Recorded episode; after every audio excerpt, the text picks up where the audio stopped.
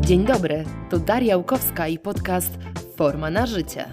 Do udziału w moich audycjach zapraszam ciekawe osoby, specjalistów w swoich dziedzinach, a także pasjonatów.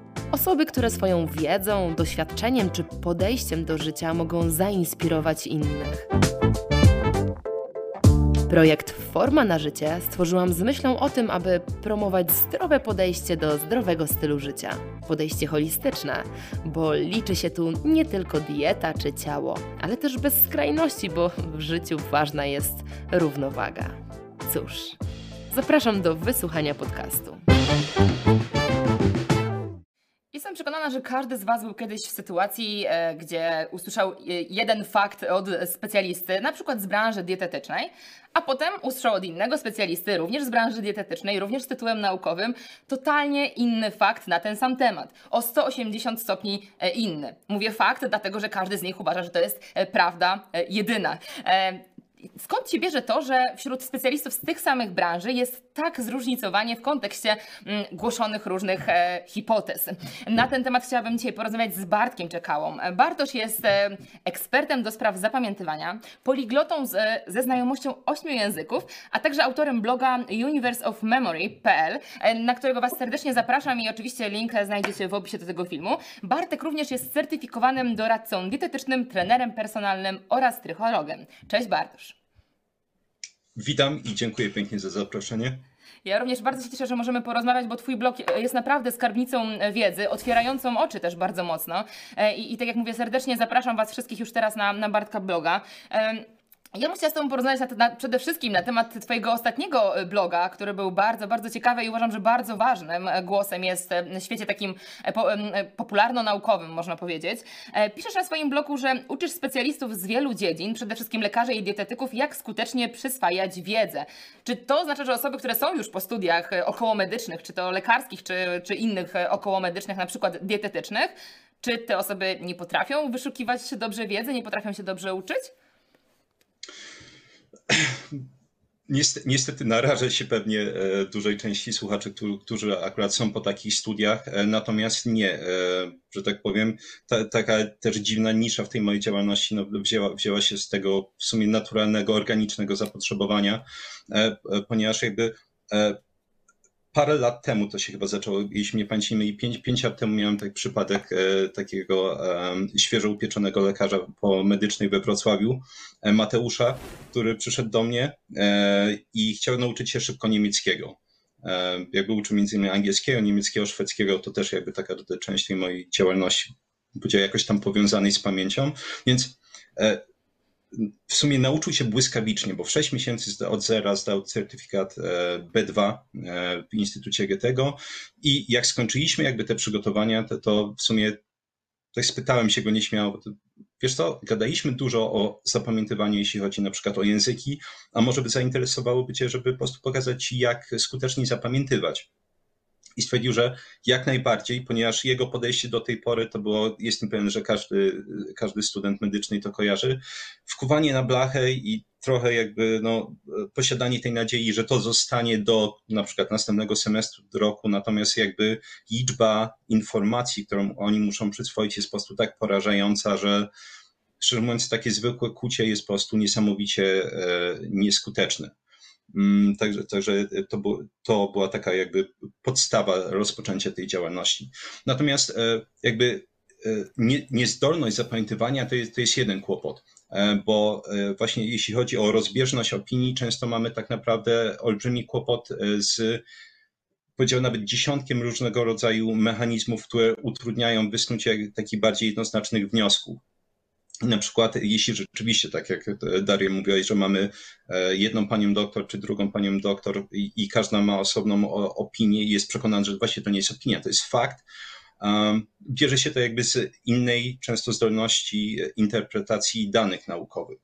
To mhm. znaczy, że często, często na, na pewno to kojarzysz, bo widziałem, że na kanale o tym mówiłeś, że mm, ludzie słyszą słowo badanie naukowe i tutaj już się myślenie wyłącza. Na zasadzie, jeśli jest badanie naukowe, to nie ma z czym się kłócić.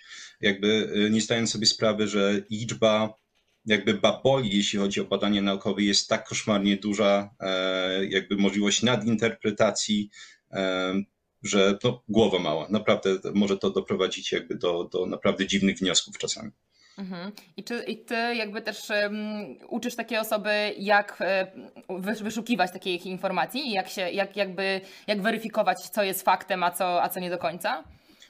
Tak, tak. To jakby przechodzimy przez cały proces jakby samej interpretacji, na co zwracać uwagę w badaniach, na, na, co, na co nie zwracać uwagę, w sensie jakie rzeczy są poniekąd takimi zapychaczami. E, także rzeczywiście od A do Z przechodzimy. E, ale też na przykład robimy sobie takie proste rozróżnienie, z którymi wydawałoby się lekarze nie powinni mieć kłopoty, ale tak naprawdę są tutaj zwykłymi ludźmi i, i, zachowują się jak właśnie takie przeciętne osoby, które nie mają e, doświadczenia, jeśli chodzi o medycynę. To znaczy, e, na przykład jednym z takich kłopotów, które sobie omawiamy, jest różnicowanie źródeł naukowych na pierwotne i wtórne. E, wtórne to jest tak naprawdę przetrawiona papka, ja to nazywam. Nieważne e, jakby, czy to jest właśnie e, filmik na YouTubie, czy to jest artykuł z mojej strony, to jest wciąż przetrawiona papka, mhm. czy, czy jest to opinia cioci Kasi, mhm. czy, czy jest to nawet opinia lekarza. To nie jest jakby źródło pierwotne. I właśnie źródła pierwotne, no to są przede wszystkim badania naukowe, i wiedza podręcznikowa, chociaż i tutaj bym się kłócił, że to by zależało mocno od dziedziny, bo ile na przykład mamy takie dziedziny, które są moc, mocno aksjomatyczne, na przykład matematyka, fizyka, czy my musimy iść do oryginalnego badania? Oczywiście, że nie. Natomiast jakby nie, nie możemy zapominać, że jakby medycyna, e, medycyna, nauki żywieniowe to są nauki w najlepszym razie e, półtwarde albo półmiękkie w zależności od punktu widzenia.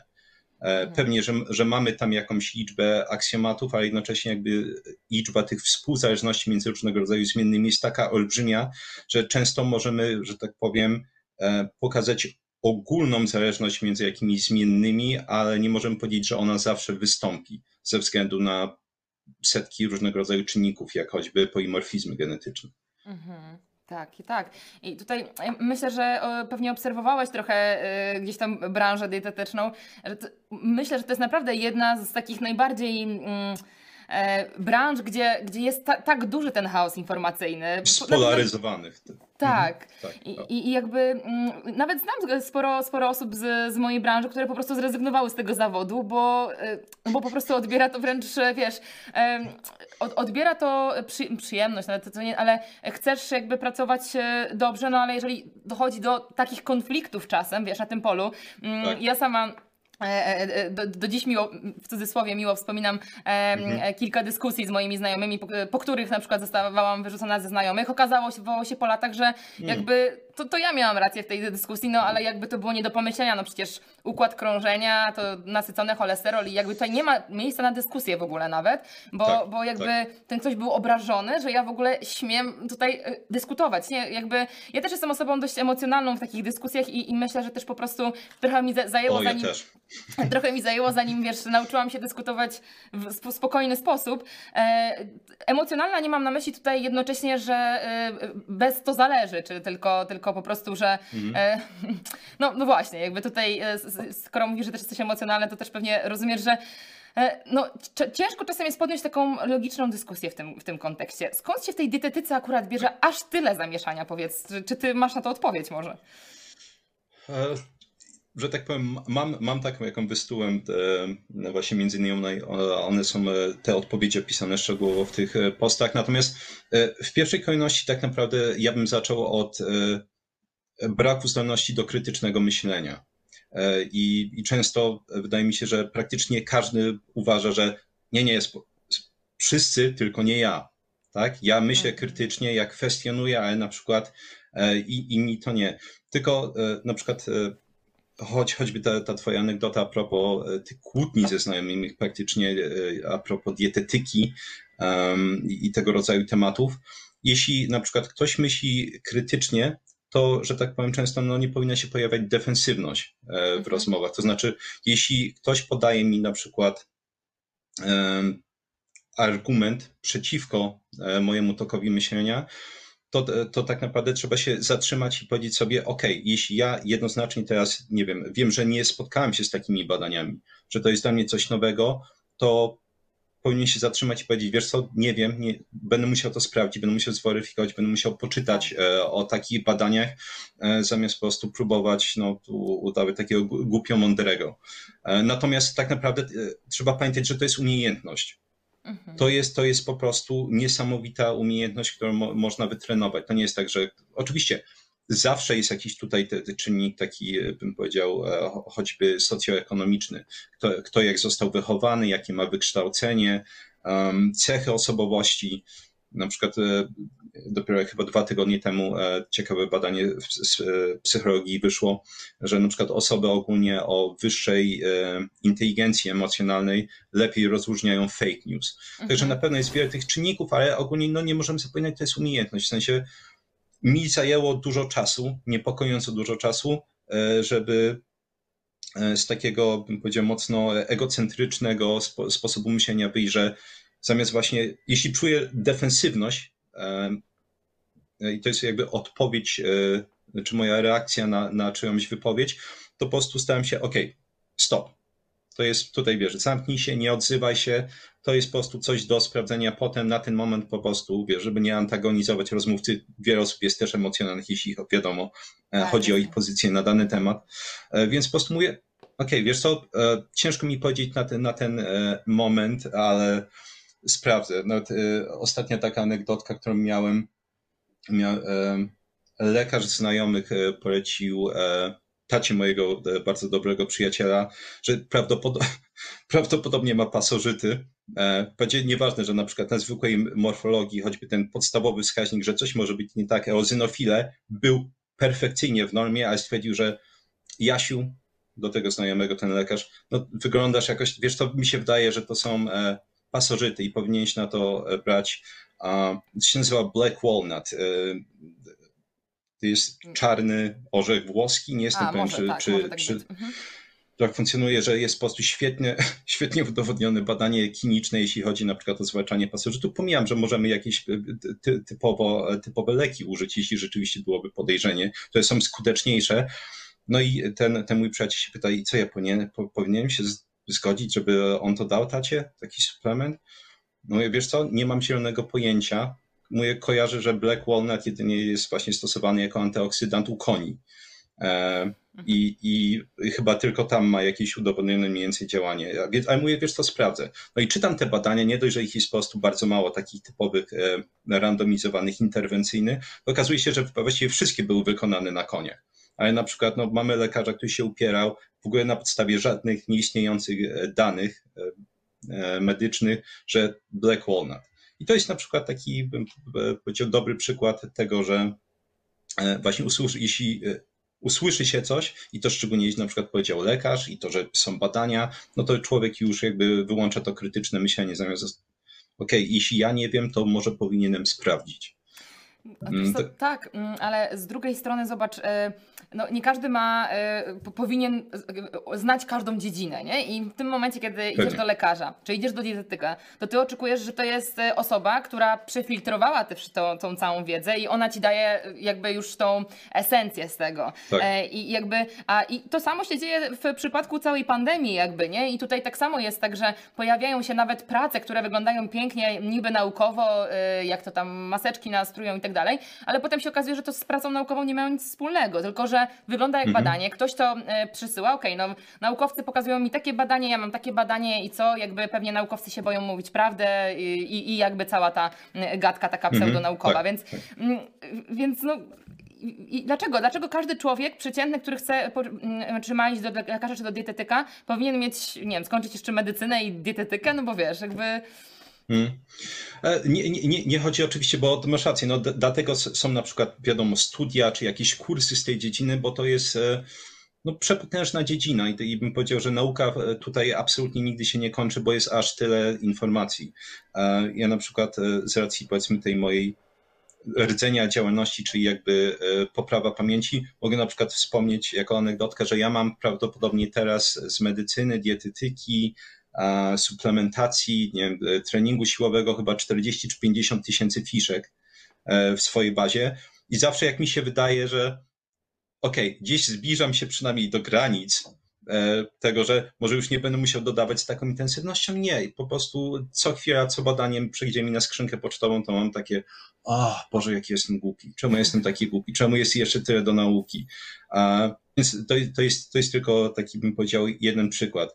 Jako punkt odniesienia można powiedzieć, że to są oczywiście takie dane mocno szacunkowe, że ukończenie jednego kierunku studiów to się szacuje, daje, powinno dawać bazę informacji około 10 tysięcy.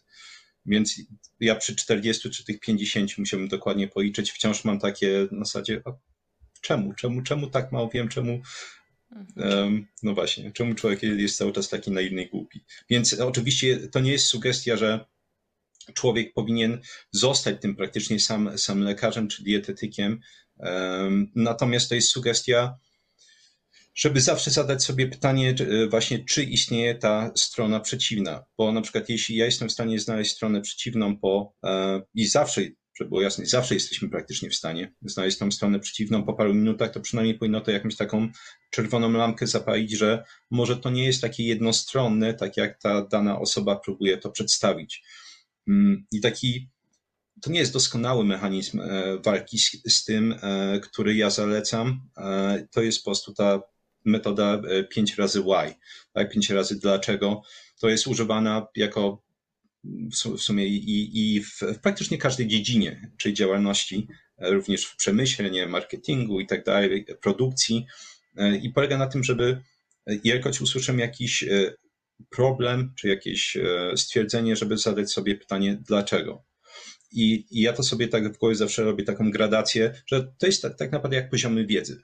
Także mamy na przykład taki powierzchowny, czyli wiedza z poziomu pierwszego, poziom drugi, trzeci, czwarty, piąty. I każde pytanie dlaczego tak naprawdę sprowadza nas coraz głębiej, jeśli chodzi o wiedzę. Więc na przykład, um, jeśli na przykład mnóstwo, mnóstwo miałem kłótni, pewnie to się nigdy nie skończy, jeśli chodzi o nie wiem, nieskuteczność statyn, jeśli chodzi o ochronę przed chorobami e, układu sercowo-naczyniowego. Więc na przykład w, moj, w moich takich rozmowach, zamiast właśnie starać się e, jakby cytować fakty, bo jest mnóstwo badań naukowych, które pokazuje, cytowanie faktów nie zmienia opinii. Mhm. Tak naprawdę najskuteczniejszą metodą jest tak naprawdę, e, przynajmniej z tych naukowo powiedział, naukowo udowodnionych o tyle, o ile takie rzeczy można udowodnić, e, jest ta metoda sokratejska, to znaczy zadawane pytanie dlaczego, żeby po prostu e, wprowadzić tą osobę w głąb tej wiedzy, czy, że tak powiem, w głąb tej opinii, na czym ona bazuje. Mhm. E, więc na przykład jeśli mam, ok, statyny, tak, czyli jeśli ktoś nie kojarzy, czyli leki obniżające cholesterol, mamy na przykład stwierdzenie, obniżają ryzyko wystąpienia chorób e, układu sercowo-naczyniowego. Dlaczego? Bo obniżają cholesterol. Super, ok. Dlaczego? Tak, na przykład dlaczego, i teraz możemy sobie oczekiwać, dlaczego obniżają, bo tutaj byśmy doszli do ciekawego mechanizmu, tak? Na przykład, gdzie po prostu um, biochemicznie one odcinają um, tą, tą ścieżkę produkcji cholesterolu i jakie konsekwencje z tego wynikają, e, te, też zdrowotne albo dlaczego obniżenie cholesterolu jest e, takie korzystne. I tak naprawdę im byśmy e, niżej schodzili, czy głębiej w tą wiedzę, tym bardziej się może okazać, że na przykład często taka opinia, która brzmi mądrze, e, kończy się u danej osoby, czy odpowiedź, czy wytłumaczenie właściwie, dlaczego tak jest, kończy się na pierwszym poziomie wiedzy. Na przykład dlaczego? Bo no, każdy to wie, albo bo tak mówi literatura. To, to nie jest żadna odpowiedź. Um, tak naprawdę, więc często to jest taki, mówię, nieidealne narzędzie, ale całkiem niezłe, żeby przy, przynajmniej zacząć robić taką sądowanie wiedzy osoby, która, która serwuje jakieś e, rady. Mhm. Mm. Okej, okay. bardzo mnie tutaj e, zaintrygowało da dalsze te łaj przy statynach, więc, więc jak, jak mamy, mamy chwilę, chciałbyś w to wejść trochę głębiej w te, w te statyny? Może, możemy jak najbardziej, chociaż to będzie oczywiście się e, łączyło prawdopodobnie z innymi rzeczami, o, o, których e, byśmy e, rozmawiali. Więc generalnie, jeśli, jeśli chodzi o, o, statyny, to kłopot jest taki, że na przykład ta, ta ścieżka fizjologiczna, w której jest produkowany cholesterol, statyny ją odcinają w takim momencie, że rzeczywiście cholesterol jest produkowany w mniejszej ilości, Ale potem między innymi to jest oczywiście cała kaskada biochemiczna. Więc jeśli odetniemy tą kaskadę w tym momencie, to okazuje się, że gdzieś tam niżej mamy produkcję koenzymu Q10. To znaczy, że nagle się okazuje, że e, jakby skutkiem ubocznych e, brania statyn jest e, zdecydowany spadek produkcji enzymu Q, Q10 w organizmie. I teraz co robi enzym Q10? On, on pełni wiele funkcji, na pewno taka główna, o której często się mówi, to jest funkcja antyoksydacyjna, ale też między innymi koenzym Q10 jest używany jako powiedzmy taki substrat do, mm, do pracy mięśni. I na przykład, jeśli popatrzymy na skutki uboczne, zwykłe z ulotki, to nie są jakby jakieś, bym powiedział, e, teorie konspiracyjne, to są po prostu skutki uboczne, które są na ulotce, że jeśli ktoś ma kłopoty z układem mięśniowym, jakiekolwiek miopatię, to automatycznie nie powinien brać. E, ja jeden taki przypadek miałem, e, że miałem pacjentkę, którą leczyłem, natomiast jako taka anegdotka, e, ona mi mówiła, że wiesz co, bo moja, moją mamę e, lekarz rzucił właśnie na te statyny e, i przestała chodzić prawie. I zaczęła mówić, że miała po prostu operację biodra, zaczęła chodzić o lasce, więc prawdopodobnie po prostu pojawiła się nierównowaga w tym układzie mięśniowym. Um, I w momencie, w którym zaczęła brać statyny, po prostu okazało się, że no, praktycznie przestała chodzić. Mówię, fantastycznie, ale ona w ogóle nie jest w grupie, która powinna dostać statyny. Um, mhm. Więc to jest jakby e, jeden kłopot. E, trzeba też pamiętać, że głównym, e, głównym mięśniem jest serce. To, to jest taki mały paradoks. Więc te, te, też, też jest tutaj pewien kłopot, ale główne tak naprawdę powiedział argumenty przeciw, nie licząc jakby, jest wiele innych skutków ubocznych, na przykład zwiększone ryzyko choćby udarów, Czemu? Bo jeśli obniżamy cholesterol, cholesterol pełni główną funkcję jakby izolacyjną w sieciach neuronalnych, bo tworzy osłonkę mielinową. Mamy mniej teraz e, cholesterolu, żeby tworzyć te osłonki mielinowe. Mhm. I tym samym dochodzi do, dochodzi do zwiększonego ryzyka udarów. E, żeby pokazać właśnie ten paradoks, jeśli ktoś ma Alzheimera, tak, czy Parkinsona, czyli te typowe takie choroby demielinizacyjne, mm, to daje się e, takim osobom, i to są rzeczywiście ładne leki, skuteczne w działaniu, inhibitory, czyli takie wstrzymywacze hoistenerazy. A hoinesteraza to jest białko, oczywiście enzym, które e, wstrzymuje rozpad cholesterolu. Mhm. Czyli w tym przypadku, na przykład przy Alzheimerze, musimy dawać tak naprawdę, powstrzymywać rozpad cholesterolu, czy enzym, który jakby będzie usuwać powiedzmy ten cholesterol, czy, czy czynić go nieaktywnym, e, żeby tym pacjentom się poprawiło. I oczywiście jeśli mamy statyny, no to obniżamy ten cholesterol i dlatego e, nawet jeśli by trzymać się po prostu tych e, twierdzeń nie wiem, lekarzy, naukowców, to owszem, zmniejszamy ryzyko jednej choroby, ryzyko udaru idzie w górę. Nie, mhm. nie mówiąc o tym, że o innych właśnie skutkach ubocznych, ale najbardziej fascynujące są tak naprawdę um, stricte takie badania randomizowane, tak? To znaczy, że bierzemy sobie grupę pacjentów, e, którzy dostają statyny e, i no właśnie, porównujemy długość ich życia. To są tak zwane hard endpoints, czyli takie twarde punkty końcowe, coś co mierzymy, czyli umieralność, e, czyli śmiertelność, przepraszam. I okazuje się, że nie ma żadnej różnicy, właściwie żadnej różnicy w śmiertelności osób, które biorą statyny i nie biorą, a jednocześnie dokładamy mnóstwo potencjalnie efektów ubocznych. I e, e, to, jest, e, to jest jakby jeden kłopot, natomiast jakby manipulacje, jeśli chodzi o zwiększanie potencjalne czy zapobieganie przez statyny chorobom tego układu sercowo-naczyniowego, to jest po prostu już czysta magia statystyczna, bo tutaj dochodzimy do um, tego pojęcia ryzyka relatywnego, o którym właśnie ostatnio pisałem, że na przykład nikt właściwie się nie zastanowi, bo trzeba by już zdobyć gdzieś tam choćby, nie wiem, z, z, z, takiego e, wywiadu tą wiedzę, że istnieją różnego rodzaju ryzyka i podanie liczby procentowej nie znaczy, że rzeczywiście ta liczba ma takie znaczenie, jak my uważamy. E, I na przykład jeśli, e, jeśli powiedzmy mamy śmiertelność na tysiąc osób, jeśli chodzi o układy, przepraszam, choroby układu sercowo-naczyniowego. Ja nie, nie znam danych statystycznych, one są jakby nieistotne, ale, ale załóżmy dla ułatwionych obliczeń, że to jest 40 osób na 1000, tak? Czyli będzie mniej więcej 0,4% umiera na te choroby. I prowadzimy sobie taką próbkę na, te, na temat, czy badanie na temat tego, jak statyny będą zapobiegać tym chorobom. I okazuje się, że na koniec jakiegoś krótkiego okresu, nie oszukujmy się, bo to są paroletnie okresy, e, co nie mówi też specjalnie dużo, ale na koniec takiego okresu pięcioletniego okazuje się, że e, e, i to jest coś, co dostaniemy, że statyny do, zmniejszyły śmiertelność o 10%. No, 10%, no tutaj już nie ma co narzekać. 10% to jest coś, tylko to jest ryzyko relatywne. Na czym to polega? Jeśli zwyczajnie 40 osób zachorowało na 1000, to w tym przypadku zachorowały, jeśli chodzi o osoby, które brały statyny, na przykład e, zachorowało tylko 36. I, i nagle, czy właściwie może tak, weźmy sobie 40-44 mhm. dał różnych e, e, obliczeń. Czyli, że 44 osoby e, na 1000 zachorowały, nie biorąc statyny, ale po wzięciu statyn 40 na 100.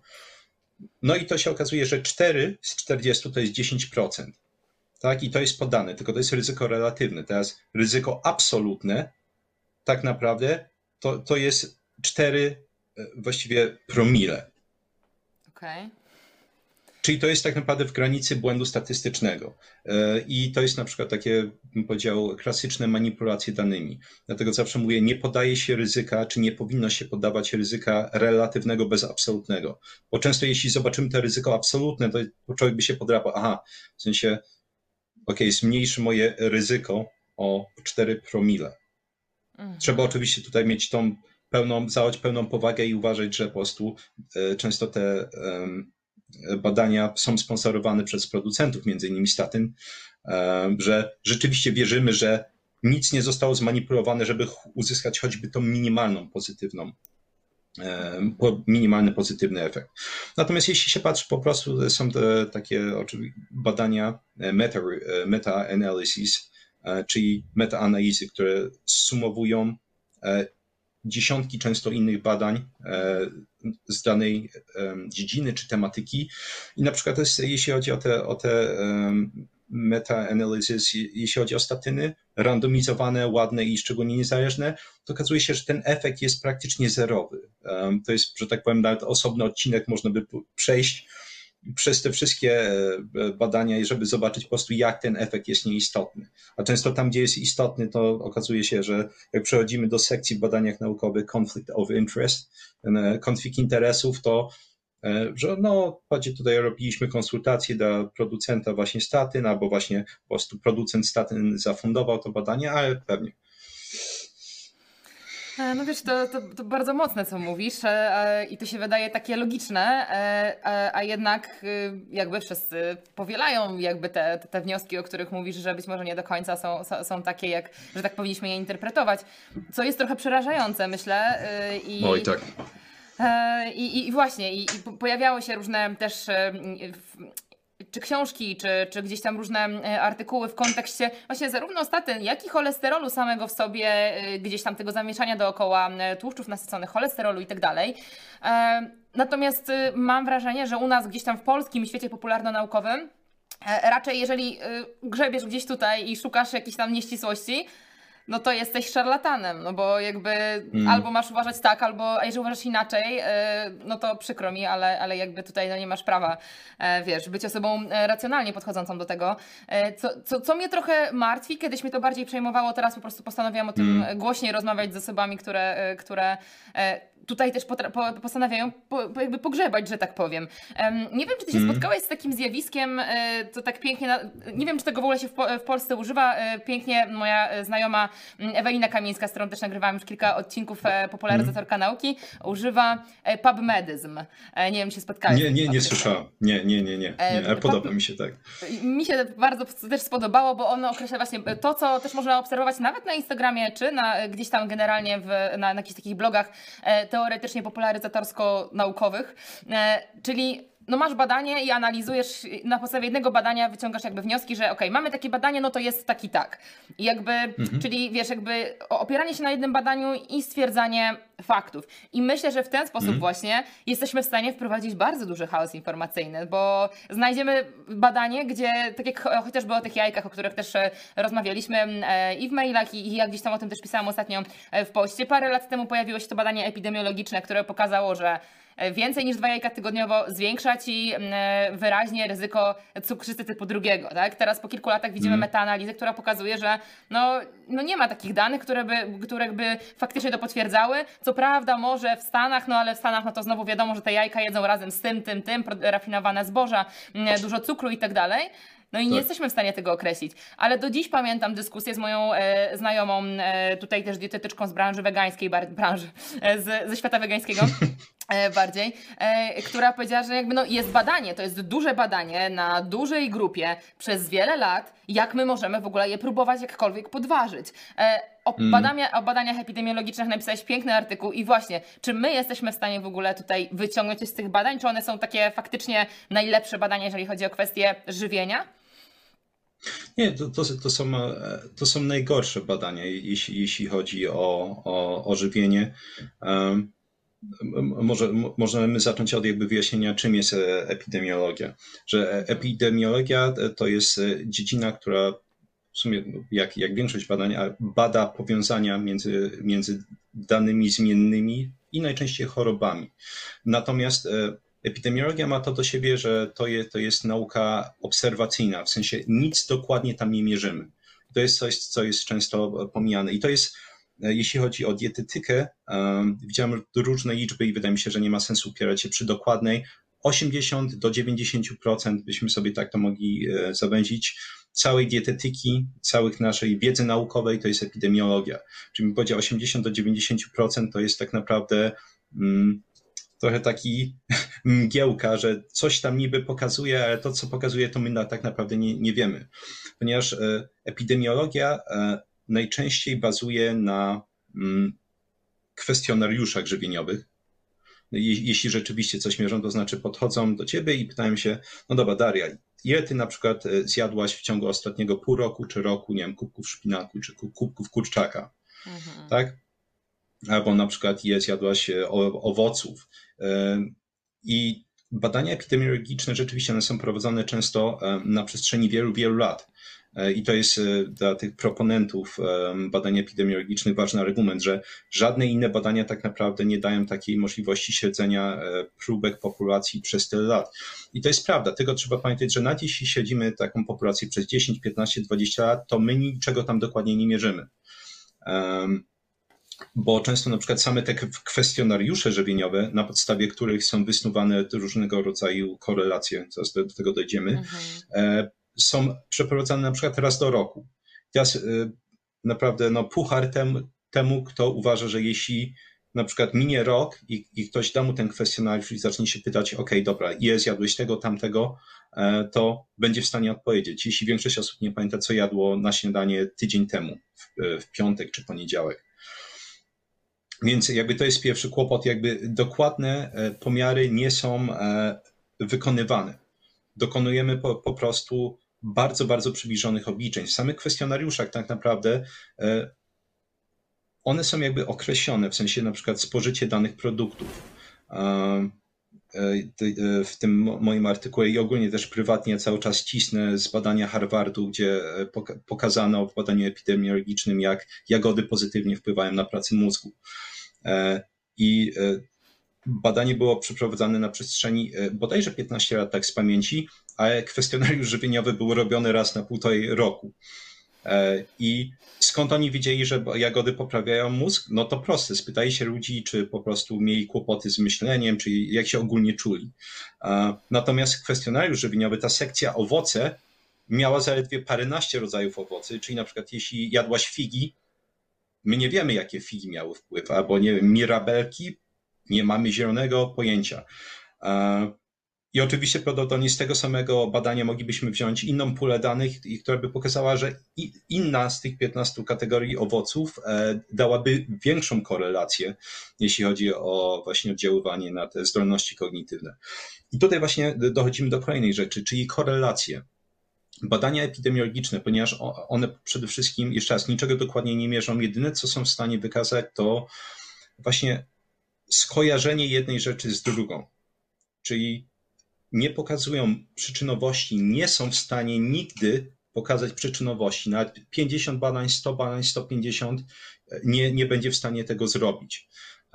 A jeśli nie pokazują przyczynowości, to jeszcze raz mamy powiązanie. I tutaj często właśnie dochodzimy do e, tych e, rzeczy, że z, tego mojej dziedziny głównego wykształcenia, czyli ekonometrii, czyli można powiedzieć statystyki, e, że ludzie często cisną, że jeśli ja na przykład, nie wiem, przejdę obok placu zabaw, gdzie jakiś facet się akurat obnażał dzieciom, no to ja będę skorelowany z tym wydarzeniem w bardzo wysokim stopniu, nie wiem, 0,9.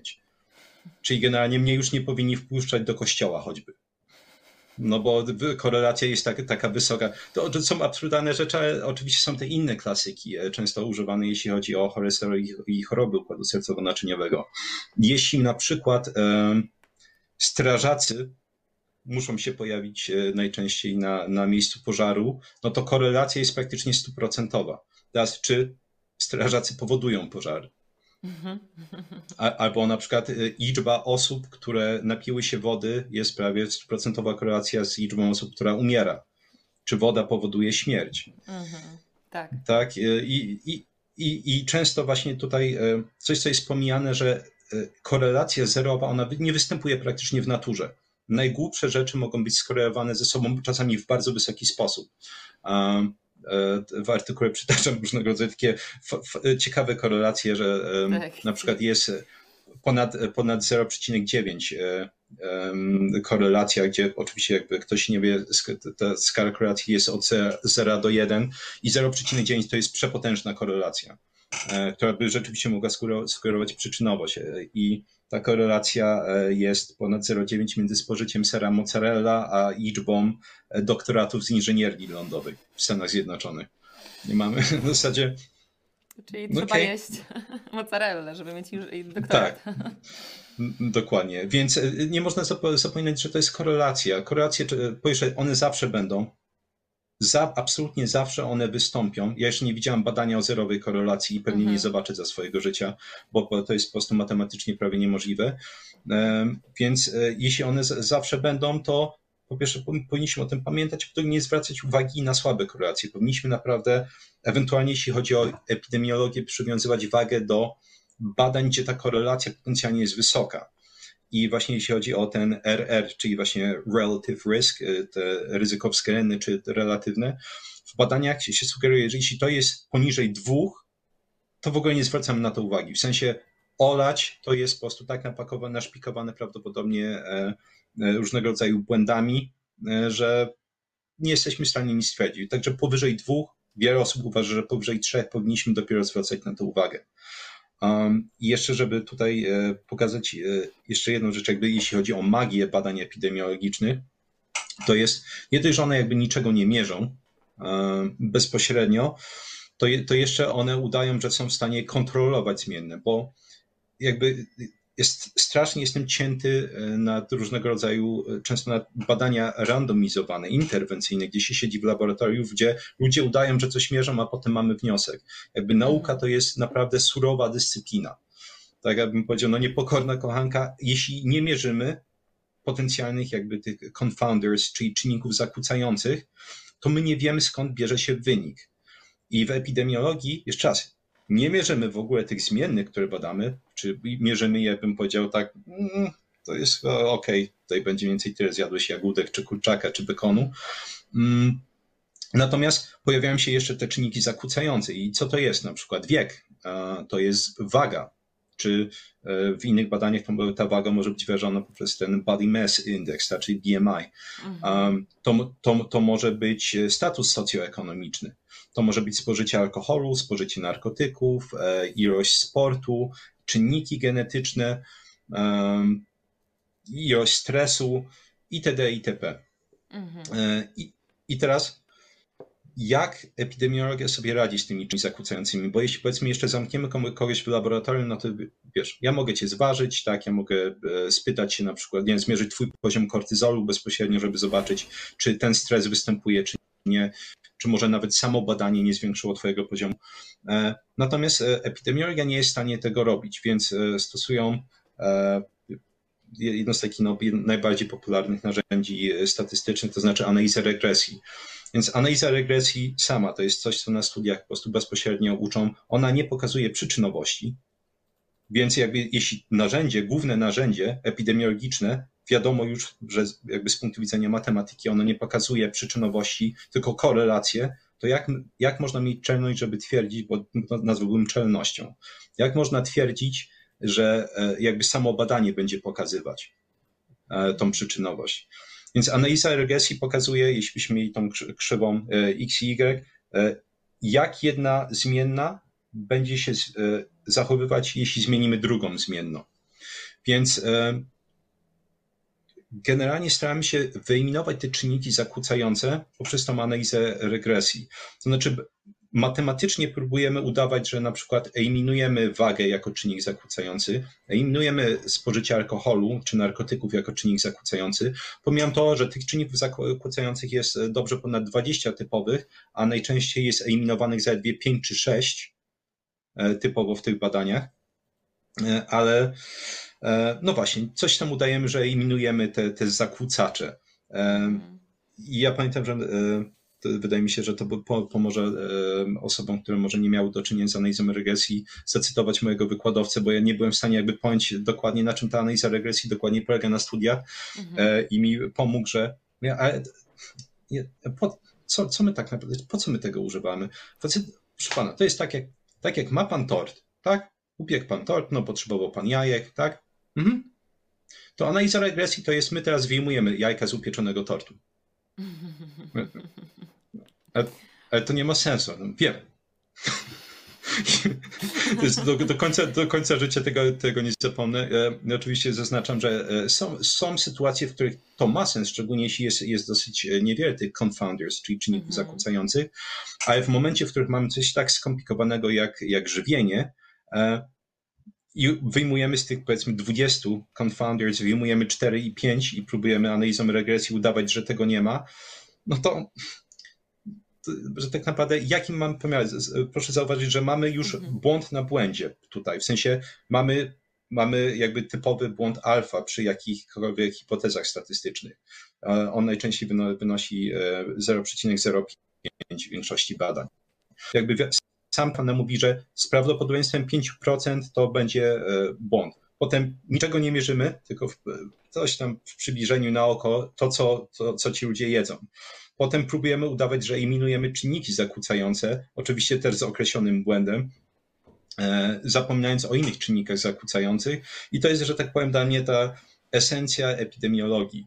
Jeszcze e, w sumie jako wisienka na torcie można podać, że skąd oni, nawet jeśli robią um, często jakąś tą, tą eliminację tych czynników zakłócających, albo na przykład pytają, czy ty jesz, e, je, ty, ty jesz owoców i tak dalej, ponieważ oni nie mierzą niczego, oni nie są w stanie tego zweryfikować. I tu pojawia się e, po angielsku to jest self-bias i po polsku to jest e, egotycyzm atrybucyjny. Mhm. To znaczy, że my nie chcemy wyglądać źle, nikt nie lubi być głupi, brzmieć głupio i tym samym w momencie, w którym ja się ciebie spytam na przykład, Daria, ile w ciągu ostatniego roku wypalałaś na przykład jointów? Tak? To jest ja w, w, w ogóle, nie, niezależnie od prawdy, to jest na zasadzie e, człowiek, ja mógłbym kilo kokainy wciągać rocznie, jeśli ktoś się mnie spyta w badaniu, tak, czy bierze pan jakieś narkotyki? Mm, nie, nie czemu. A, no a tak. owoce jesz? O, mnóstwo i warzywa. Tonami. Tak, tak. Bo, bo jakby już jest napiętnowanie. Wiadomo, że jest po prostu napiętnowanie e, niejedzenia warzyw, jest napiętnowanie niejedzenia owoców. Jest napiętnowanie oczywiście picia alkoholu, palenia, więc po prostu ludzie albo podają e, mocno zaniżone dane, albo zawyżone, jeśli chodzi o spożycie tych dobrych rzeczy, e, mm, hmm. albo w ogóle unikają tematu, że na zasadzie nie, ja alkohol w ogóle, nieważne, że nie wiem, miałem trzydniową imprezę dwa tygodnie temu, ale alkohol w tak. ogóle się nie pojawił w moim życiu. Albo e, kiedyś też się spotkałam z tym, pije pan alkohol? Nie, a piwo? A no piwo to tak, bo piwo to nie alkohol. Więc e, tak. Rosja się zgadza. Też te, wiesz, takie prace, wiadomo, no praca, e, praca, nie wiem, magisterska, czy te, tego typu takie prace ankietowe, no, to jest może mniejszy, wiesz, mniejszy kaliber, że tak powiem, ale jednak zobacz, ile takich nawet mniejszych gdzieś tam, które niby coś tam nam mają też powiedzieć, e, podsyła się komuś, żeby ktoś uzupełnił, albo ktoś sam mówi, że sam 10 e, ankiet uzupełnił, czy tam z 20, bo musiał szybko oddać badanie. No też rozmawiałam z, niejednokrotnie z osobami, które pracowały nad swoimi doktoratami w laboratoriach i też mówiły wielokrotnie, że no wynik się ma zgadzać, nie, jakby czasem. Nie, oczywiście nie chcę też mówić to jednocześnie, tak. że, że to jest nigdy, nigdy e, te badania badania nie są wiarygodne. Chodzi mi o to, żeby naprawdę nie uprawiać tak zwanego pubmedyzmu, czyli, e, czyli nie wyciągać wniosków po, po jednym badaniu i e, czy nawet po, po e, patrząc na to, że to jest wielkie badanie, wzięło dużo osób, ale tak jak mówisz, no tutaj no nie do końca to jest tak, że wzięło dużo osób i, i, było przez wiele lat, to jest już na pewno wiarygodne badanie, bo wręcz może być mniej wiarygodne pewnie niż, niż może na mniejszej grupie, ale bardziej, bardziej e, po, po, w kontrolowanych warunkach, prawda? Mm, mam tutaj od Ciebie taki fragment od Ciebie z bloga. Kiedy hipotezy wypływające z badań epidemiologii żywieniowej podda e, poddawane są później testom w badaniach klinicznych, okazuje się błędne w co najmniej 80%, e, że masz większą e, szansę na wysnucie poprawnego powiązania między danym produktem lub grupą produktów spożywczych, a daną chorobą, trzymając się poniższego protokołu. I muszę go zacytować, bo on jest po prostu rewelacyjny. Czyli wybierz produkt spożywczy, wybierz losowy nowotwór, narysuj po jednej stronie kartki A4 słowo tak, na drugiej nie, nawet mogłam to zrobić teraz. wysmaruj, wysmaruj półdupek zieloną farbą, usiądź na kartce, odczytaj wynik, czy dany produkt spożywczy wpływa na dany nowotwór, rozkoszuj się większym prawdopodobieństwem trafności Twojej hipotezy niż oferuje epidemiologia żywności. No jest to bardzo mocne, muszę Ci powiedzieć. I mm. tutaj od razu aż mi się, e, mi się prosi o oczywiście e, no, główny taki mm, czynnik kancerogenny z dietetyki, czyli mięso. Jak to jest z tym mięsem według tych wszystkich badań i Twojego gdzieś tam krytycznego spojrzenia na te badania. Więc e, ja, ja bym zaczął od tego, że generalnie e, bardzo długi czas nie byłem w stanie e, zrozumieć w ogóle skąd, skąd ta nagonka na mięso, aż gdzieś nie przeczytałem takiego, oczywiście można się z tym kłócić, ale bardziej w formie anegdotki wspomnę, że Słuchajcie, jeśli się dziwicie, czemu jest nagonka na mięso, a nie ma nagonki na przykład na, na ogólnie ziarna, czy nawet te zdrowe, pełnoziarniste produkty, to, to pomyśl sobie tak. Jeśli weźmiesz na przykład ziarna, które są bardzo tanie i upieczysz z tego chleb, jaka jest twoja stopa zwrotu? No, szczerze mówiąc, stopa zwrotu jest wysoka. E, ja nie pamiętam dokładnie tych danych, ale powiedzmy, nie wiem, 50-100%, gdzie marża, jeśli chodzi o produ producentów wędlin czy mięsa, jest koszmarnie niska. Z tego co pamiętam, e, widziałem dane kiedyś Starczyńskiego, że e, jeśli ktoś ma marżę na poziomie chyba 3% w tym biznesie, czy już nie mówiąc 4 czy 5, to jest olbrzymia marża. Teraz mamy e, właśnie te ziarno. Upieczmy z tego chlebek, już jest ok. E, zróbmy z tego zdrowe muesli, tak? I teraz nagle stopa zwrotu zaczyna rosnąć no, nieproporcjonalnie. To już jest 200, 300, 400%. Upie, upieczmy z tego ciasteczka na przykład. Tak? Znowu stopa zwrotu jest e, niesamowita. I bym powiedział, na pewno bym zaczął od tego, że to jest po prostu przepotężny biznes e, i że mięso nie jest takim biznesem i nigdy nie będzie jakby jak e, ta e, branża, bym powiedział, szeroko pojęta roślinna, chociaż często widzę zupełnie odmienne komentarze. Jakby to są zupełnie inne stopy zwrotu. Więc da, bym prawdopodobnie zaczął od, od tego, od tej, takiej, takiej teorii konspiracyjnej, ale jeśli chodzi o, no właśnie, e, czemu to jest mój wstępniak? Bo jeśli chodzi o e, stricte e, badanie tego, skąd to się wzięło, to okazuje się, że w momencie, w którym zaczynamy się, zaczynamy się wgryzać w te badania, to dochodzimy do bardzo niepokojących wniosków, że po prostu wszystkie jakiekolwiek, taki ry, cały rygor naukowy został wyrzucony przez okno i zaniedbany. Bo na przykład to, że Mięso jest e, kancerogenem typu 2A obecnie na, na liście kancerogenów. Ta lista się ciągnie od, e, od 1 do 3, to znaczy mamy kancerogeny 1, 2, 2B, 2C i e, trzeciego mhm. typu, jeśli nie pamiętam. Jestem pewien, czy tam był typ czwarty, ale to taki opis nam starczy na ten moment. Gdzie im niżej schodzimy, to znaczy im bliżej jedynki jesteśmy, tym większe prawdopodobieństwo, że to jest kancerogen. To znaczy kancerogeny typu pierwszego określa się jako jest dostateczna ilość dowodów, jeśli chodzi o badania ludzkie i bardzo duża ilość dowodów, jeśli chodzi o badania zwierzęce. Gdzie kancerogen typu 2 to jest dostatecznie, duże, dostatecznie duży dowód, jeśli chodzi o działania na ludziach i duże dowody, jeśli chodzi o właśnie kancerogenność u zwierząt. No i teraz tak, to, to, to zostało jakby ogłoszone w 2015 czy 2014 tutaj w Unii Europejskiej. I teraz okazuje się, że e, to zostało ogłoszone jako opinia w ogóle e, takiego ciała przy jednej z Komisji Zdrowia. To była grupa naukowców, z którego nie, nie, nie, jestem pewien, czemu się o tym rzadko słyszy, ale ktoś, e, czytałem kiedyś jakiś opis, którego większość jest związany z grupami wegańskimi, ale to na pewno nie miało wpływu na opinię. Natomiast jakby no już nie wnikając jakby kto to stworzył, na podstawie czego to zostało stworzone. Więc generalnie e, tam była, z badań interwencyjnych dominowały badania nad szczurami, gdzie e, w niektórych badaniach, na przykład jedzenie bekonu przynosiło odwrotny skutek, znaczy pokazywało ochronę e, układu sercowo-naczyniowego, ale tego już nie uwzględnili w badaniach. Często dawki różnego rodzaju tych toksycznych rzeczy z miejsca były tak duże, że ktoś musiałby zjeść e, i to odseparowane. To znaczy, my wyjęliśmy jeden składnik z mięsa i udajemy, że to jest mięso, bo to znajduje się w mięsie. To ja zawsze mówię, fantastycznie. E, jeśli ktoś chce kancerogeny pierwszej klasy, e, to jest safrol, który znajduje się na przykład w gałce muszkatołowej i pieprzu. I to jest niesamowity kancerogen, dodatkowo mutagenny. Mm, i my to jemy dzień na co dzień. Jeszcze nie słyszałem nigdy, poza właśnie jednym badaniem naukowym, żeby ktoś mówił, że nie jedz pieprzu, bo e, tam jest po prostu kancerogen. To nie jest tylko jeden składnik. Nie możemy jednego składnika e, analizować w separacji od całości.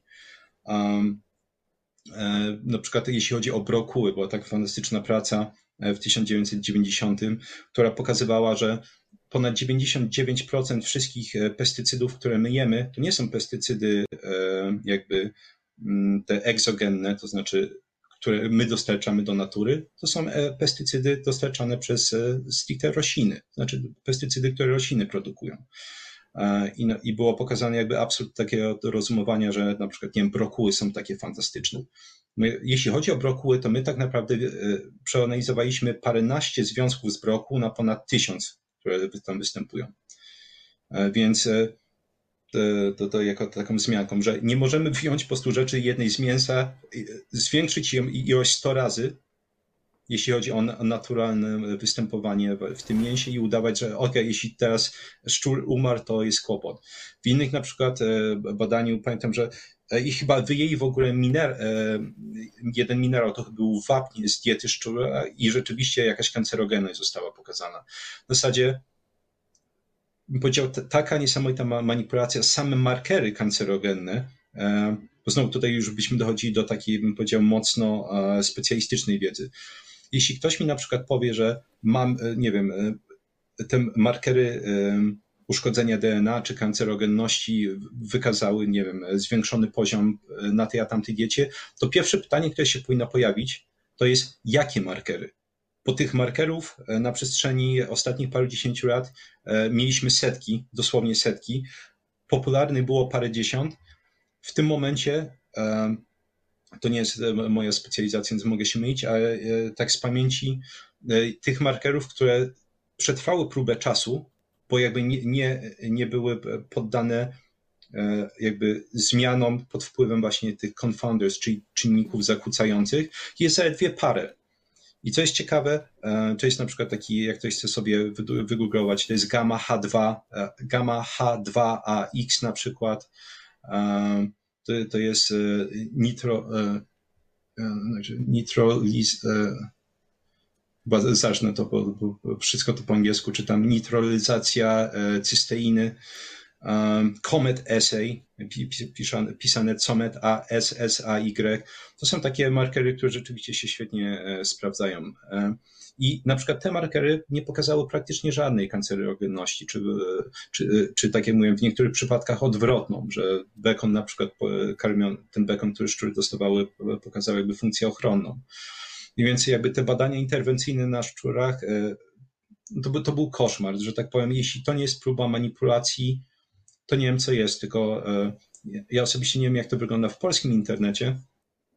Natomiast nawet w tym angielskim internecie widziałem dosłownie garstkę analiz stricte tych badań. Znaczy większość osób powiedziała, aha, ok, mamy badania, tak, i, i to, na, to nam wystarczy i rzeczywiście to jest kancerogen. Więc te badanie te na szczurach, bym powiedział, to, to jest no, zupełna farsa, ale dochodzimy do równie ciekawej części. E, badanie na ludziach to była właściwie praktycznie sama epidemiologia i tych badań było chyba 4 czy 5, e, można sobie to łatwo wygooglować. Czyli jeszcze raz, bada, mamy e, zupełnie jakby sfingowane, bo ciężko to nazwać inaczej, badania na szczurach, zaledwie parę tych badań. Mamy z drugiej strony epidemiologię, która nie jest w stanie niczego mierzyć i nawet te, nawet te badania epidemiologiczne, które tam zacytowano, wykazują tak niską korelację, e, że no po prostu nóż się w kieszeni otwiera, że tego można użyć jako powód e, eliminacji czegokolwiek. Więc to było, że tak powiem, te dwie odnogi e, tego raportu, mhm. na podstawie którego uznano, że mięso jest kancerogenem typu 2. Mhm. I powstaje pytanie, no właśnie, gdzie jest ta uczciwość naukowa i czy, czy tutaj grupy interesów może jednak nie mają coś wspólnego z tymi rekomendacjami? Mhm, no bo tutaj też e, z tego co kojarzę, tylko nie pamiętam, które, w której klasie, że to było zróżnicowane też na mięso czerwone przetworzone i na mięso czerwone ogółem, nie? I to, tak, to było, tak, mięso tak. przetworzone oczywiście jakby tam mamy chyba więcej y, czynników, które mo mogą być e, prokancerogenne niż tak, w tym tak. nieprzetworzonym. Wiem, że to było, że prawdopodobnie, że jeszcze nie mamy takich dowodów, żeby czerwone mięso samo w sobie było kancerogenne, nie? Tak, um, tak. No, jest to ciężki temat. Ja e, jakiś czas temu robiłam e, odcinek o diecie planetarnej tak zwanej, bo zostało zaproponowana, nie wiem czy kojarzysz też taka dieta planetarna. Nie, nie. Na, natomiast jak zaczęłyśmy e, z, z, moją Olgą, która ze mną współpracuje, gdzieś tam szukać do, dokładnie dookoła tego, no chodziło ty, typowo o czynnik środowiskowy, nie, tutaj. To mhm. też nie było takie oczywiste. Oczywiście nie ma tutaj wątpliwości, że produkty odzwierzęce to jest problem dla środowiska, tylko że jak szukałyśmy dookoła tej diety planetarnej, to tam było też sporo takich nadużyć troszeczkę, że jakby zapominamy o ważnych innych czynnikach, które są problemem dla środowiska, a strasznie to mięso eksponujemy. W sensie mięso, mówię, ja mhm. wiem, że to jest tak. problem, tylko że te jakby skupiamy się tylko na tym i e, o ile rozumiem, że też są przesłanki w badaniach na temat y, zbyt dużej ilości spożywanego mięsa, a problem z mikrobiotą, w sensie, że, że jakby dysbalans tej mikrobioty. Jakby tutaj też można by w tym kontekście rozpatrywać, że mięsem nie należy się przejadać oczywiście. E, I jakby jest hmm. wiele takich e, elementów, których możemy tutaj przeanalizować, więc też nie chodzi o to, że, że to, to, to mięso teraz trzy razy dziennie powinniśmy jeść, ale jakby czemu od razu musimy mieć taką skrajność, która tak jak mówisz, no ma wątpliwe tak. potwierdzenie w nauce i, i jest to naprawdę no smutne. I tak jak mówisz tutaj, że głównie obserwujesz anglojęzyczne, tak? Z tego co rozumiem, e, tutaj środowisko. Ty, ty, ty, ty, tylko, bo e, w sensie jakby jest dwie, e, w sumie parę jakichś tych źródeł wtórnych, które obserwuję i to głównie dlatego, że po prostu to są osoby, które często wyławiają ciekawe badania. Natomiast szczerze mówiąc, jak często się nie ktoś pyta, czy kojarzy to, to, nie wiem, tą osobę, tamtą opinię, szczerze mówiąc praktycznie nigdy, bo bo nie mam na, na to czasu. Ja głównie siedzę w badaniach naukowych i tych badań czytam y, dziesiątki, dziesiątki, dziesiątki y, tygodniowo. E, wiadomo, nie, nie, nie mam czasu na analizowanie każdego, ale że tak powiem, też nie każde potrzebuje jakby analizować e, jakby tak e, dogłębnie. No tak. Więc, więc no, no tak, często, często jakby takich rzeczy unik, unikam. Większość analiz tutaj jednak mam, przynajmniej z moich obserwacji, na, na naszym rynku kończy się na razie na pubmedyzmie i na, właśnie na tym, że, e, że jajka powodują cukrzycę, no bo tak powiedziało badania epidemiologiczne i mało osób się zastanawia nad tym dużo głębiej, także, e, no, także liczę na to tutaj, że, e, że gdzieś tam jeszcze nie raz e, będziemy mogli Ciebie usłyszeć w tym kontekście mm. i, i, i jakby, no mam nadzieję, że to będzie coraz więcej takiego krytycznego myślenia dookoła tego, no bo tutaj tak samo e, jak, no właśnie te, te jajka jeszcze, na chwilę byśmy poruszyli e, mm, te jajka i cholesterol, jakby i to badanie badanie epidemiologiczne. Co z Twojego researchu wynika, jeżeli chodzi o jedzenie jajek w naszej diecie? Znaczy, e, tutaj jest, jest tyle do powiedzenia. Oczywiście, jeśli chodzi o, o jajka, to tak, e, tak naprawdę wszystko sprowadza się do tego, że jajka mają cholesterol, cholesterol jest B. Ja bym zaczął w ogóle e, od tego, że w tej, w tej całej dyskusji w ogóle się pomija ta, ta, taki mechanizm odkryty przez Randla w latach 80., który w sumie wyjaśnia praktycznie wszystkie kłopoty czy dyskusje, jeśli chodzi, nie wiem, te diety karniwora, weganizm, czy jajka są B, czy nie. I ten mechanizm jest tak idiotycznie prosty, że do tej pory się dziwię, czemu on nie jest szerzej dyskutowany, zwłaszcza, że to jest wyjaśnienie praktycznie wszystkich, według wielu osób, takich niespójności. Dlaczego na przykład tutaj to badanie, jeśli chodzi o weganizm czy, czy wegetarianizm, pokazuje, że jest lepsza, a jednak dieta keto też pokazuje, że tutaj. Więc cykl Randla polega na tym, że e, utlenianie, czyli tak jak my ładnie mówimy, spalanie glukozy, utlenianie glukozy jest hamowane przez kwasy tłuszczowe. Mhm. I to działa jakby w obie strony, bo wiele osób też widziałem jakby próbę manipulacja tym, że, że aha, aha, czyli utlenianie glukozy jest hamowane przez kwasy tłuszczowe, to tłuszcz jest B. Nie. Tak, na, tak naprawdę, czy może tak, początkowo, to jest ciekawe, początkowo kwasy tłuszczowe zwiększają utlenianie glukozy, dopiero w większej ilości jakby wstrzymują. To jest tak, możemy sobie to wyobrazić tak, jeśli mamy naczynia krwionośne yy, i niech to będzie, wyobraźmy sobie to jako korytarz to jeśli mamy po jednej stronie olbrzymiego koksa i po drugiej, czyli z jednej strony mamy kwasy tłuszczowe, z drugiej mamy glukozę, mhm. no to oni próbują przejść i po prostu walą w siebie e, i usuwanie tego z krwiobiegu, czyli, czyli i oksydacja glukozy i oksydacja e, kwasów tłuszczowych jest bardzo utrudniona. I co nam to mówi? Generalnie cykl Randla w uproszczeniu mówi, że jeśli będziemy mieszać kwasy tłuszczowe, czyli tłuszcze z, e, z glukozą, to będzie dochodzić do jakby utrudnienia absorpcji i to będzie prowadzić do stanów zapalnych. E, I, ten, i, i tak naprawdę ten suwak tłuszczów i e, węglowodanów możemy sobie przesuwać. To, co robią weganie, na przykład, to przesuwają sobie minimalizacja tłuszczy, bo tłuszcze są B, i to jest zgodne z cyklem Randla. W sensie, jeśli na przykład e, będziemy mieć, nie wiem, już pomijam białko w tym równaniu, bo ono nie jest specjalnie ważne, ale jeśli na przykład będziemy mieć, nie wiem, 70% e, węglowodanów, a tłuszcze zejdziemy szczególnie poniżej 10%, cyklanda będzie działać świetnie. Mamy spadek stanów zapalnych. Pojawią się skutki długoterminowe, bo je węglowodanów nie potrzebujemy w diecie absolutnie w ogóle, nawet jednego grama, tak, bo sami potrafimy produkować własną glukozę na ścieżce glukoneogenezy, to je to tłuszczy potrzebujemy. Więc ta deprywacja bardzo często daje u siebie znać w zależności od predyspozycji genetycznych nawet po paru miesiącach. U niektórych po paru lat, u niektórych po parunastu. Mhm, tak. Ale też możemy e, pociągnąć ten suwak w drugą stronę. Czyli co robimy na tych diecie, dietach karniwora, dietach keto? Wycinamy węglowodany albo przynajmniej schodzimy zdecydowanie poniżej 10% e, i maksymalizujemy tłuszcze i, i białko. E, powiedzmy ściskając to w jedną krótkę. E, I, i, I, to działa, i to rzeczywiście było, znowu łagodzi stany zapalne i, i to, i tamto, i korzyści. Także to nie jest tak, że wiele osób uważa, że jest jedna opcja i dogmatycznie będą się naparzać po prostu. Nie, to jest tłumaczone jednym mechanizmem, cyk, ran, dla.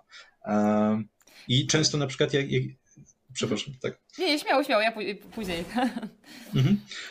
Więc na przykład często jest, jest niesamowite jakby ten, ten brak zdolności interpretacji jakby ze względu na brak wiedzy merytorycznej, że ktoś na przykład e, mi wysłał, tak, no to popatrz, tutaj na przykład w badaniu diety keto, jak mierzyli na przykład markery stanów zapalnych, e, tutaj można by też cały osobny wykład dać a propos tego, jak, jak po prostu była nadinterpretacja tego, co tam zmierzyli, ale że e, wystąpiły stany zapalne dużo mniejsze niż na przykład u wegan w tej grupie. No i tak patrzy, no kurde, zgadza się no to sprawdźmy sobie, jak ta dieta keto wyglądała. O, 20% węglowodanów w diecie keto. No, spoko. W sensie widziałem, że niektóre jakby te grupy w środowiskach naukowych uważają, że to wciąż jest dieta keto. Tak naprawdę ciężko dietę nazywać keto z, z punktu widzenia te, tego powiedzmy cyklu Randia, jeśli ktoś będzie jeść więcej niż 100 gramów węglowodanów dziennie. Mhm. E, czy najczęściej bym powiedział, to, poniżej, to powinno być poniżej 50 e, gram. No tak, tak. Ale. No właśnie. Tak mi się od razu skojarzyło. Była kiedyś taka blogerka, nie wiem czy kojarzysz, Denis Minger, jak dobrze pamiętam, ona się nazywała. Ona była kiedyś... E... Chociaż coś nazwisko kojarzę, coś, coś mi się chyba ubiło. Oni było hmm? głośno sporo lat temu, pewnie z 4-5, e, bo ona prowadziła najpierw bloga o surowej diecie wegańskiej, potem zaczęła jeść hmm? surowe produkty, ale też odzwierzęce. No i gdzieś tam jakby taki ogromny, obszerny artykuł napisała, dlaczego w sumie... E, mm, tak, to chyba chodziło o, o wprowadzenie produktów odzieżęcych, ale tak mi się skojarzyło teraz jeszcze od razu, mm, że, że ona też właśnie pokazywała, że zarówno e, dieta wysokowęglowodanowa, jak i niskowęglowodanowa może mieć korzyści i zrobiła taki piękny, mhm. piękny obrazek, e, jak mi się uda go znaleźć, to gdzieś tam tutaj też wkleję, mhm. E, taką oś czasu, gdzie tutaj jest wysokowęglowodanowa dieta, tutaj niskowęglowodanowa, tutaj są jakieś jednorożce, różowo i w ogóle, a po środku jest, jak ona nazwała, makroskładnikowe bagno, jakby właśnie, czyli że jakby tak, tak. Mm, i to jest to, to, co ty powiedziałeś jakby, prawda, czyli że te skrajne, skrajne faktycznie tutaj możemy oczekiwać korzyści, bo ona pokazała te diety takie bardzo, bardzo bardzo wysokowęglowodanowe, gdzie faktycznie gdzieś tam jakieś stare badania, dieta ryżowa czy coś takiego było. E, I, i jakby... A, tak, tak, kojarzę. Pięknie. To jest chyba z lat 70. jeszcze badanie. Możliwe, możliwe. No i gdzieś tam pokazywała, że no gdzieś tam jakieś te badania są. Ja, ja, ja, ich nie analizowałam, więc nie wiem na ile one były dobre, na ile nie, ale pokazywała, że te, przy tych skrajnych, gdzie bardzo mocno obci, obcinamy jeden z tych, e, tych e, paliw energetycznych, czyli tłuszcz albo węglowodany, że tam się może coś zadziać, tak? Ciekawego w organizmie. Hmm. więc, więc tak się od razu skojarzyło właśnie z tym, z tym wykresem. Tak, tak, tylko e, właśnie zwróćmy, zwróćmy uwagę, że e, typowa dieta amerykańska, typowa dieta polska to jest e, właśnie mieszanki. Mix. Mhm. Tak? Bo, no, no mhm. bo jeśli, jeśli mamy typowy polski obiad, no to przecież jeśli jemy kotleta, no to to musi być ziemniaczkami oblane, oblane tłuszczem, tak? Nie wiem, jeśli, jeśli mamy kromkę chleba, no to nie wiem, właśnie posmarujemy masłem, tak, damy plasterek żółtego sera i zawsze mamy te mieszanki. To jest zrozumiałe, bo te mieszanki są z punktu widzenia powiedzmy tych, tych naszych, naszych układów nagrody. Mhm. To jest inny osobny temat. Na przykład mamy, mamy takie, e, jedno z naszych głównych e, centrów nagrody to, to jest e, nucleus accumbens, jądro półleżące. I aktywizacja w momencie, w którym dostarczamy właśnie mieszanek tłuszczy i węglowodanów jest naprawdę niesamowita tego ośrodka. Tak, mhm. cały junk food, to jest śmieciowe żarcie, mieszanki tłuszczy i węgli. Nie wiem, słodycze, mieszanki tłuszczy i węgli. Tak. Więc e, te, tak naprawdę e, na, na, pewno, na pewno olbrzymim kłopotem jest po prostu e, mieszanie tego, zwłaszcza, że to jakby zaburza, mm, bym powiedział, zaburza też między innymi pracę hormonów głodu z czasem, mm-hmm, mm-hmm. że po prostu ludzie w momencie, w którym zwyczajnie by poczuli ograniczoną sytość, przestaliby jeść, to w momencie, w którym mieszają to, te, te jakby e, wydzielanie leptyny i greiny jest e, na tyle zaburzone, że no ni niestety, ale ludzie mają dzikie napady głodu, albo no właśnie w głupi sposób jedzą te pięć posiłków dziennie, co jest, co jest promowane non-stop. Tak, no już, już myślę, że troszeczkę się od tego jednak odchodzi w, w branży, aczkolwiek no dalej jednak... Troszeczkę. e, tak, przynajmniej z tych osób, które gdzieś tam ja kojarzę, które obserwuję, to, to, to faktycznie się, się od tego odchodzi, natomiast no dalej na pewno możemy takie, takie informacje e, spotkać. Bartek, na koniec e, takie pytanie e, dość ważne, no bo ktoś, kto nas posłucha, no to będzie miał jeszcze większy mętlik w głowie, zwłaszcza, że nie jest osobą z branży, prawda, dietetycznej, na pewno. Ma, mam na myśli. E, mhm. Pytanie byłoby, co jeść, ale to byłoby pytanie na kolejne kilka godzin. A tutaj bardziej może dla specjalistów. Poruszyłeś bardzo ciekawy temat u siebie na blogu. Mm, klątwa chomiczego kołowrotka wiedzy. Jak specjalista, powiedzmy, trzymajmy się tego dietetyka na razie, na, przy dzisiejszej rozmowie, powinien uniknąć tej, tej, tej klątwy i czym ona jest, e, bo, bo bardzo ciekawie to opisałeś w jednym ze swoich blogów, żeby właśnie ostatecznie ta, e, ten dietetyk, ten specjalista potrafił przekazać faktycznie rzetelną wiedzę dla y, osób nie z branży i żeby te osoby mogły faktycznie, i nie wiem, czy włączyć sobie śniadaniówkę, czy, czy YouTube'a, czy bloga i dostać zawsze taką samą wiedzę, a nie, że będzie znowu ten chaos informacyjny. Czym jest ta klątwa tak. chomiczego kołowrotka wiedzy? Więc to jest jeden z takich moich e, E, konceptów, które sobie stworzyłem, żeby wyjaśnić różnego rodzaju rozbieżności, jeśli chodzi właśnie między innymi formowanie opinii, akumulację wiedzy.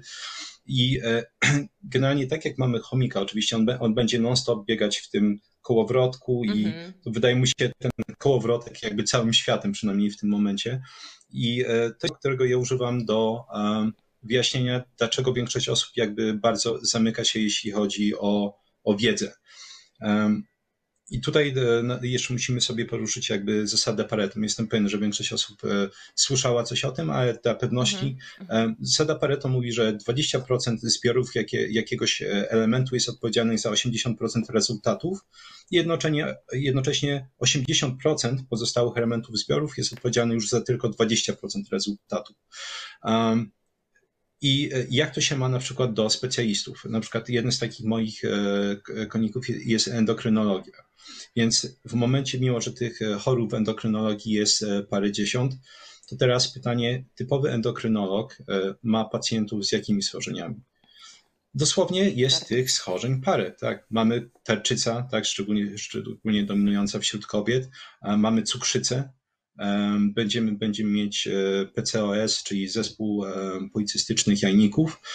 I, I tak naprawdę bardzo często jeszcze ewentualnie gdzieś tam można by, żeby dopełnić tego, nie, nie mhm. wiem, chorobę Cushinga, czy nie wiem, Addisona, czyli powiedzmy za ogólnie zakłócenia pracy nadnerczy czy w, ten, w, ten, w tą czy inną stronę. I w momencie, w którym e, jako lekarz te, zaledwie tych parę chorób stanowi 80% wszystkich pacjentów, przypadków, to człowiek zaczyna się zamykać i wchodzi w taki automatyzm, tak? Jest na tym kołowrotku i przychodzi, nie wiem, właśnie e, przychodzi pacjentka na zasadzie, okej, okay, dobra, pani, co masz? E, PCOS, dobra, no to proszę, tutaj też, mam takie ciekawe przypadki. Chudziutka dziewczyna dostała, bo jest, są różnego rodzaju rodzaje tego PCOS. Um, i dosyć często rzeczywiście e, jakby zespół policystycznych jajników jest powiązany nie tylko że ze zwiększoną androgenizacją, tak, czyli zwiększony poziom hormonów męskich mm -hmm, płciowych mm -hmm. i te rzeczy, jakby konsekwencje z tego płynące, jakby trądzik, nie wiem, dodatkowe owłosienie, e, to bardzo często to towarzyszy temu insulinooporność. Więc na przykład e, ja miałem, miałem dziewczynę, która do mnie przyszła i powiedziała, co jej lekarz przepisał. Ona po prostu nie chciała e, brać leków, ale mówi, czemu ja dostałam metforminę? Czemu dostałem lek na, na cukrzycę? Mówię, bo najczęściej, znaczy często kobiety mają jednocześnie insulinooporność. Pokazuje mi swój cukier, chyba 87 miała, trójglicerydy niziutko i mówię, ale czemu? Nie wiem. Mhm. Z tym ci nie pomogę, ale to jest na zasadzie e, takie, ta, taka demonstracja tego właśnie chomiczego kołowrotka, że tak. w zasadzie, okej, okay, pani co masz, PCOS, dobrze, mamy, że dobra, rzeczywiście tutaj ma, ma, widać na USG są, są te cysty, dobra, no to ciach, właśnie mamy metforminkę, na, na przykład e, weźmiemy leki na antykoncepcję, żeby podwyżyć SHBG i po prostu na, następny. E, tak, kłopoty z tarczycą, dobra, lewotyroksyna, następny. E, I, I to są tak naprawdę takie klasyki. I człowiek właśnie jakby często um, zaczyna zamykać się w tej swojej wiedzy, bo jest w stanie wystarczająco dobrze pomóc pacjentom, albo według niego dobrze, więc tym samym nie ma co dalej kombinować. Mhm. Oczywiście to sprawia, że będziemy często przegapiać na przykład te rzadsze choroby, co będzie akurat większość przypadków, e, jakby z całej puli chorób, ale też jednocześnie że sprawi, że człowiek będzie prze, przestał chcieć szukać. E, mhm. Więc to jest ogólnie tak ten zespół, e, zespół, przepraszam, e, syndrom chomiczego kołowrotka wiedzy.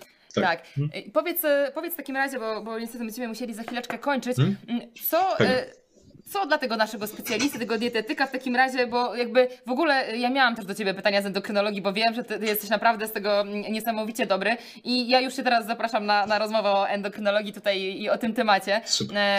Natomiast powiedz, co tutaj, co, co, co taka osoba ma zrobić, żeby faktycznie nie powielać tego, te, tego, tego, tej chomiczej wiedzy, jak dobrze rozumiem, czyli nie powielać ciągle tego samego. Mam osobę z tym, daję jej to. Ja sama wiem, że czasem półtorej godziny rozmowy z człowiekiem y, daje nam tyle wiedzy o nim, że okazuje się, że musimy zupełnie inaczej zrobić, niż by nam powiedział podręcznik. Tak. E, dlatego ja też się tak. e, z jednej strony uważam, że warto, żeby diety, zawód dietetyka miał jakąś regulację, e, a z drugiej strony się jej boję. Bo jeżeli ktoś mi narzuci, mm. że wtedy mam zrobić tak i tak, no to ja nie będę takim skutecznym mm. specjalistą. Jakby wiem to ja po też, prostu. Ja, ja, ja, by, ja bym odszedł z zawodu, bo szczerze mówiąc to wolałbym gdzieś w podziemiu, w podziemiu działać, bo tak.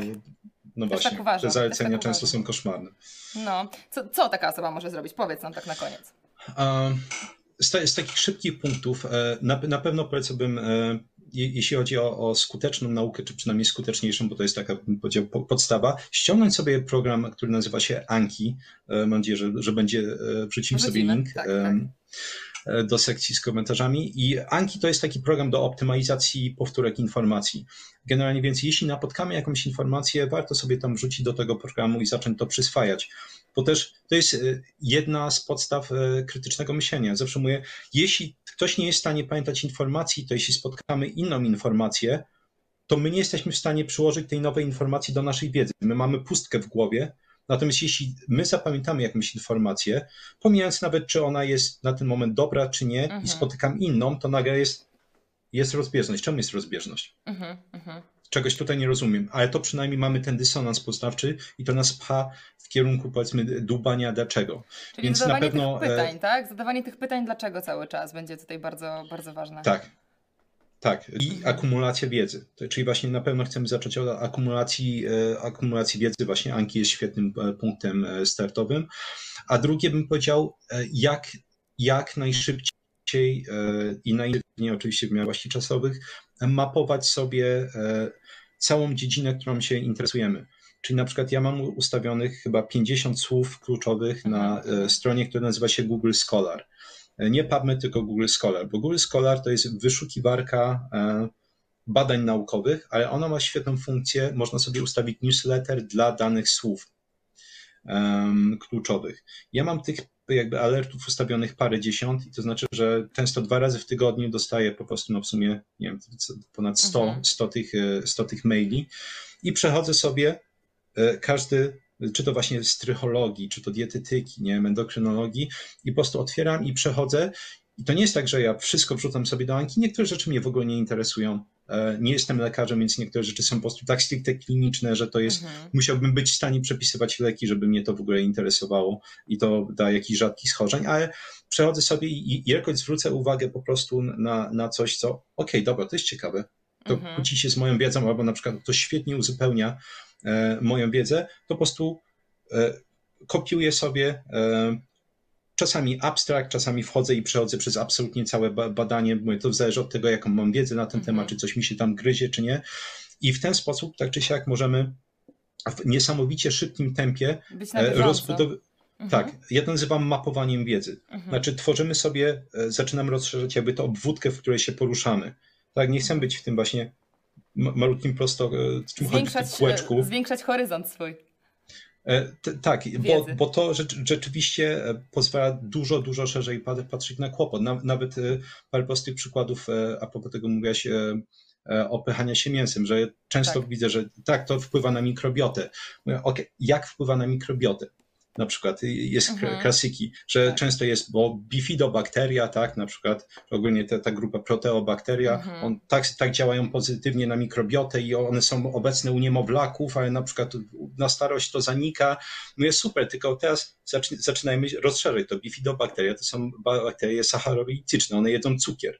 Mhm. Czyli w momencie, w którym przestajemy jeść dużo węglowodanów, tak, przez jakby bifidobakteria wymierają. Natomiast często ich funkcje przyjmują zupełnie inne szczepy bakterii. No właśnie, i, to, i to nam to tam bardzo, bardzo pozwala spojrzeć od, od różnych stron i potem się okazuje, że wszystko zależy od kontekstu, nie? I ja nawet sama zrobiłam taki, Bardzo kiedyś taki, taką serię, kontekst e, ma znaczenie, bo to jest mega ważne.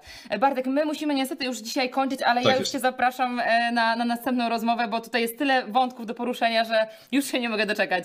Bardzo Ci dziękuję. Bardzo Ci dziękuję za tę rozmowę i do usłyszenia. Dziękuję pięknie za zaproszenie i do usłyszenia w takim razie. Pa, pa. Dziękuję, że znalazłeś czas na wysłuchanie tego podcastu. Myślę, że z pewnością znasz kogoś, komu informacje tu zawarte mogą się przydać. Możesz podesłać mu link do tego nagrania. A jeśli zechcesz udostępnić ten podcast na swoich mediach społecznościowych, tym bardziej będzie mi miło, a projekt Forma na Życie będzie rozwijał się szybciej. Z góry dzięki! Jeśli chcesz obejrzeć ten podcast wraz z nagraniem wideo, wpadnij na mój kanał na YouTube. Znajdziesz mnie tam pod nazwą Daria Łukowska Forma na Życie. Zapraszam Cię też na moje media społecznościowe, czyli na Instagram i Facebooka, gdzie dzielę się moimi przemyśleniami z życia codziennego. Ja nazywam się Daria Łukowska, a to był podcast Forma na Życie. Do usłyszenia!